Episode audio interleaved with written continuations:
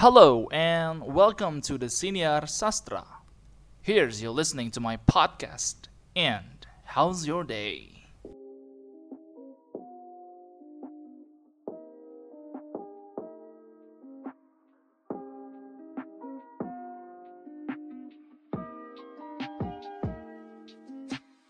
Oke, balik lagi bersama gue Sastra di Siniar Sastra atau orang biasa nyebut podcast. Hari ini ngapain?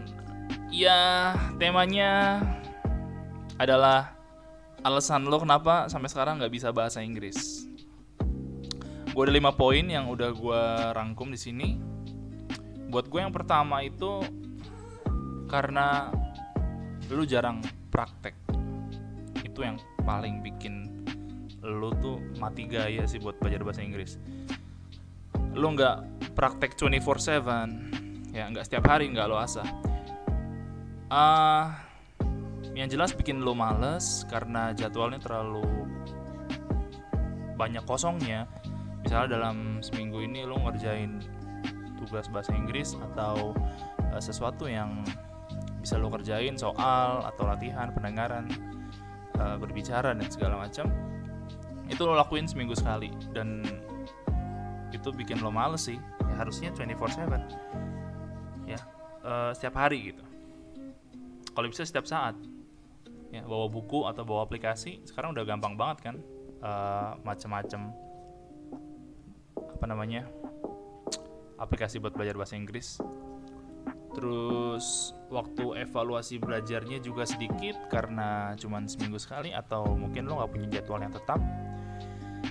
Dan yang terakhir bikin lu cepet lupa banyak banget waktu-waktu kosong yang lu tidak gunakan untuk membahas soal-soal atau praktek. Ya jawabannya adalah 24/7 ya belajarnya harus setiap hari kalau bisa setiap saat. Biar semakin biasa otak lo semakin oke okay bahasa Inggrisnya. Yang kedua buat gua lu belajar dengan cara yang salah lu udah berusaha keras buat belajar bahasa Inggris tapi lu nggak pernah masuk gitu. Nah menurut gua itu cara lo yang salah. Kan ada tipe-tipe belajar tuh. Apa sih namanya tuh? Ada gaya belajar visual uh, auditori dan kinestetik ya. Nah lo harus tahu dulu tuh tipe-tipe lo kayak apa gitu. Gaya gaya belajar lo yang mana gitu. Kalau misalnya lu uh, lebih gampang inget dari apa daripada yang lu denger atau lu, lu lebih suka membaca daripada dibacain terus berbicara dengan tempo yang ya lumayan agak cepat lah terus cukup cukup peduli dengan penampilan dan pakaian lo lebih suka gambar lo lebih suka melakukan demonstrasi uh, lo suka lo lo lo justru malah susah untuk menerima instruksi secara verbal kecuali kalau kalau ditulis lo malah lebih lebih mudah buat ditulis buat dipahami terus lo nggak mudah terdistraksi dengan keramaian dan ya lo suka gambar apa pun di kertas. Dan itu termasuk karakteristik atau gaya belajar tipe visual. Ya jadi kalau bisa lo belajar dari gambar misalnya untuk kosakata atau video yang menarik. Terus baca buku yang nggak cuma tulisan tapi juga punya ilustrasi yang apa ya menarik mata lo buat buat apa buat merangsang lo belajar. Terus jangan lupa pada saat lo belajar bisa sambil doodling ya biar lebih fokus. Karena itu bakal ngebantu lo pakai spidol warna-warni justru malah bikin lo gampang belajar ya. Itu ngebantu lo banget. Dan ini yang terakhir bikin mind mapping. Biasanya dengan mind mapping ini uh, bikin lo jadi lebih terarah belajarnya ya nah untuk yang auditori kalau lo ngerasa lebih mudah mengingat sesuatu dari apa yang didengar daripada dilihat terus lo lebih senang dengerin daripada apa namanya daripada ditulis atau digambar atau lo mudah terdistraksi dengan keramaian uh, lo punya kesulitan dalam tugas atau pekerjaan atau soal yang melibatkan dengan sesuatu yang visual. Terus lu juga pandai meniru, menirukan nada ataupun irama suara kemudian uh, senang membaca dengan mengeluarkan suara atau menggerakkan bibir-bibir mereka. Nah biasanya ini disebut karakteristik tipe auditori. Ya biasanya lo ngomongnya fasih gitu. Terus gampang nginget nama saat berkenalan dengan orang baru. Nah untuk gaya belajar yang kayak gini sangat disarankan untuk mendengarkan musik atau podcast ya. Atau bisa merekam saat guru lagi ngajar. Terus di lain hari lu bisa dengerin lagi. Nah pas lagi pas lagi baca buku biasanya sambil diucapin dengan suara yang pelan biar lebih gampang diingat ya. Terus mendengarkan materi yang diajarin sama guru pada saat di kelas ya dengan teliti dan seksama Terus jangan lupa untuk belajar dengan teman-teman atau diskusi biar belajar jadi lebih mudah dipahami. Materi jadi lebih segar buat diingat lagi. Gitu. Itu untuk yang auditory. Nah, untuk yang kinestetik gimana? Nah, kinestetik itu kan kayak gerak-gerak gitu ya. Gaya belajar yang melibatkan gerak gitu. Apa harus praktekin gitu? Joget atau gimana? Nah, eh uh, orang yang punya gaya belajar tipe kinestetik biasanya nggak betah dia dia lama-lama di kelas makanya kalau lo jadi guru atau ada beberapa mungkin teman-teman yang punya pekerjaan sebagai seorang guru di kelas 1 SD, 1 sampai kelas 6 SD atau SMP lah sampai SMP lah maksimal. Itu ada anak yang becicilan gitu, nggak pernah nggak pernah bisa diem buat belajar. Pengennya lari ke sana ke sini gitu. Dan anak kayak gini nggak bisa diajarin secara visual dan auditori. Uh, bisa cuma tidak maksimal. Nah, kalau dia suka belajar dengan metode praktek, uh, susah buat nulis, tapi dia pinter dalam bercerita atau dia suka dengan aktivitas yang melibatkan gerak tubuh kayak olahraga, menari, ya. Terus komunikasinya banyak menggunakan isyarat tubuh. Terus menghafal kosakata atau menghafal sesuatu dengan cara berjalan atau melihat. Itu termasuk dari tipe kinestetik. Nah, tipe kinestetik cara belajarnya adalah dengan praktek langsung ya kalau bahasa Inggris berarti tinggal speaking, uh, conversation sama teman-temannya gitu. Belajar sambil melakukan aktivitas yang melibatkan gerak, misalnya berjalan. Terus bisa melakukan eksperimen dari materi yang didapatkan dari guru-guru di kelas. Terus bisa mengunjungi museum atau uh, di studi tour biasanya ada games. Games juga bagus banget loh games terus ikut ekstrakurikuler gitu ada atau klub uh, English club ya. Biasanya di tiap sekolah punya tuh. Dan itu cocok buat kinestetik. Nah kira-kira lo yang mana? Apakah lo punya kedua gaya belajar di antara tadi yang gue sebutin atau tiga-tiganya? Kalau tiga-tiganya lo lo hebat banget sih. Lo bisa dengan mudah mendengarkan uh, melihat dan belajar lewat gerakan dengan praktek langsung. Nah itu. Jadi belajar dengan cara yang benar ya, bukan dengan cara yang salah. Kadang terlalu dipaksakan kalau misalnya di sekolah suka disamaratakan dengan beberapa guru. Kadang guru cuman duduk ngasih soal tanpa ngejelasin gurunya uh, muridnya cuma disuruh ngerjain bingung terus semuanya dipatok atau sama ratakan dengan soal-soal yang uh, sama. Kan tiap anak ada yang punya kecerdasan dalam listening, speaking, nah itu harus diasah. Ya. Kemudian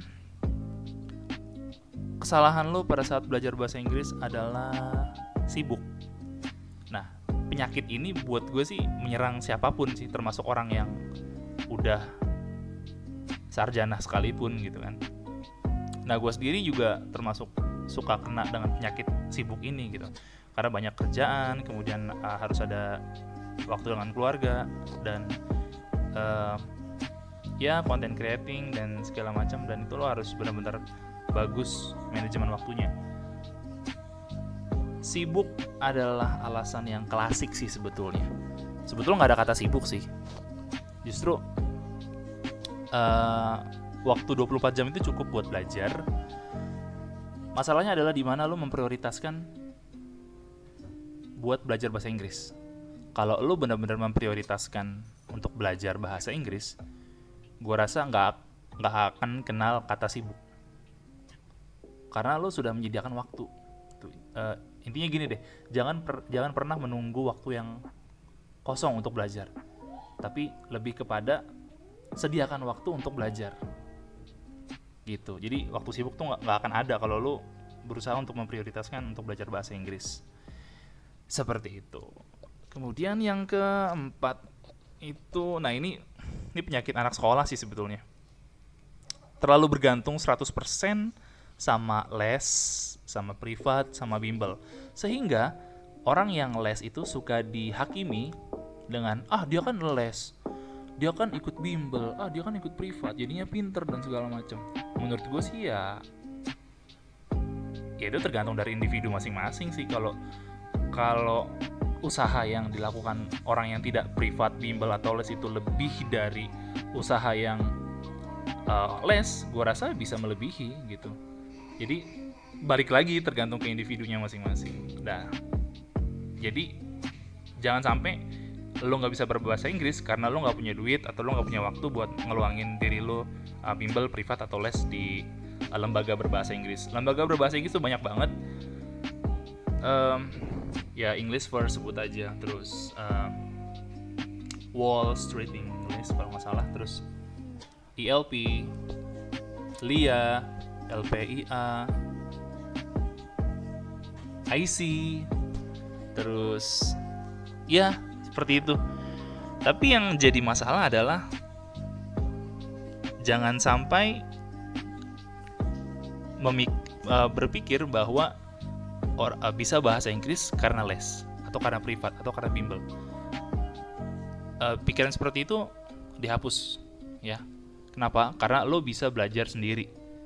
Nggak harus lewat les. Bedanya paling bedanya lo punya wadah buat belajar lo punya wadah buat ketemu sama teman-teman yang mem mem eh, memiliki minat yang sama tapi kalau lo bener-bener pengen gak mau keluar duit atau mengeluarkan uh, sebagian waktu luang lo ke tempat les lo bisa ikut ke beberapa lembaga gratis kayak fakta bahasa fakta bahasa di beberapa tempat ada di beberapa kota ada kayak fakta bahasa uh, Jakarta Timur, Bekasi, Bogor, dan beberapa kota-kota besar yang lain. Dan itu lumayan banyak yang membuat klub-klub bahasa Inggris buat belajar. Yang jelas lo gak akan ketinggalan. Apa ya, lo gak akan gak akan kesulitan untuk menemukan wadah tempat lo belajar. Oke, okay, yang kelima. Yang kelima, uh, lo gak suka atau malu buat belajar bahasa Inggris. Nah ini juga penyakit banget sih. Kalau lo nggak suka ya udah nggak usah belajar gitu. Tapi ya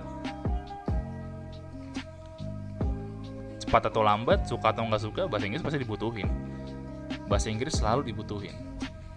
Nggak akan kehilangan uh, pasarnya gitu. Jadi suka nggak suka, cepat atau lambat, lo pasti bakal dipaksa buat belajar bahasa Inggris gitu jadi ya kalau lo nggak suka ya udah tapi terima resikonya gitu kan kalau suka banget ya terima juga resikonya lo harus mencintai bahasa Inggris dengan segenap hati. Cialah nah kalau ada yang bilang ah gue malu nih ngomong bahasa Inggris depan orang gitu. Ya udah terima resikonya gitu kan. Itu semuanya pilihan tuh ada di kalian semua gitu. Mau malu ya ya udah terima aja. Kalau malu-maluin juga nggak bagus juga sih. Ya minimal nggak usah malu buat belajar kalau salah wajar. Namanya juga masih belajar. Mau mau belepetan bahasa Inggrisnya. Gue ada sih satu murid di sekolahan tempat gue ngajar. Uh, dia itu bahasa Inggrisnya belepotan gitu kan. Belepotan. Kayak anak bayi berak gitu. Ceceran gitu. Iya pokoknya belepetan banget. Tapi yang gue suka dari dia adalah dia tuh pede banget.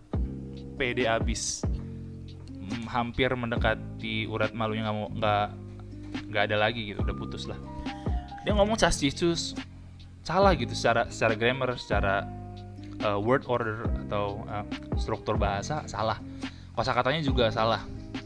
Beberapa uh, pengucapan juga ada yang salah tapi dia tetap mau buktiin gitu ini gue bisa nih sehingga orang yang bisa berbahasa Inggris dengan senang hati akan mengkoreksi dia. Dan dia just don't give a fuck to what people that call him uh, lu sobat bahasa Inggris gitu kan? Buat orang-orang yang iri dengki hati ngeliat dia ah lu so banget lu bahasa Inggris gitu. Nggak usah malu gitu. Justru yang malu yang nggak pernah mau belajar. Gitu aja. Nah sekarang gimana dong caranya biar mantap mantap mantap mantap tuh kan. Biar mantap belajar bahasa Inggris. Nah ikutin di senior selanjutnya ya. See you on the next podcast. Also don't forget to subscribe and share. Bye bye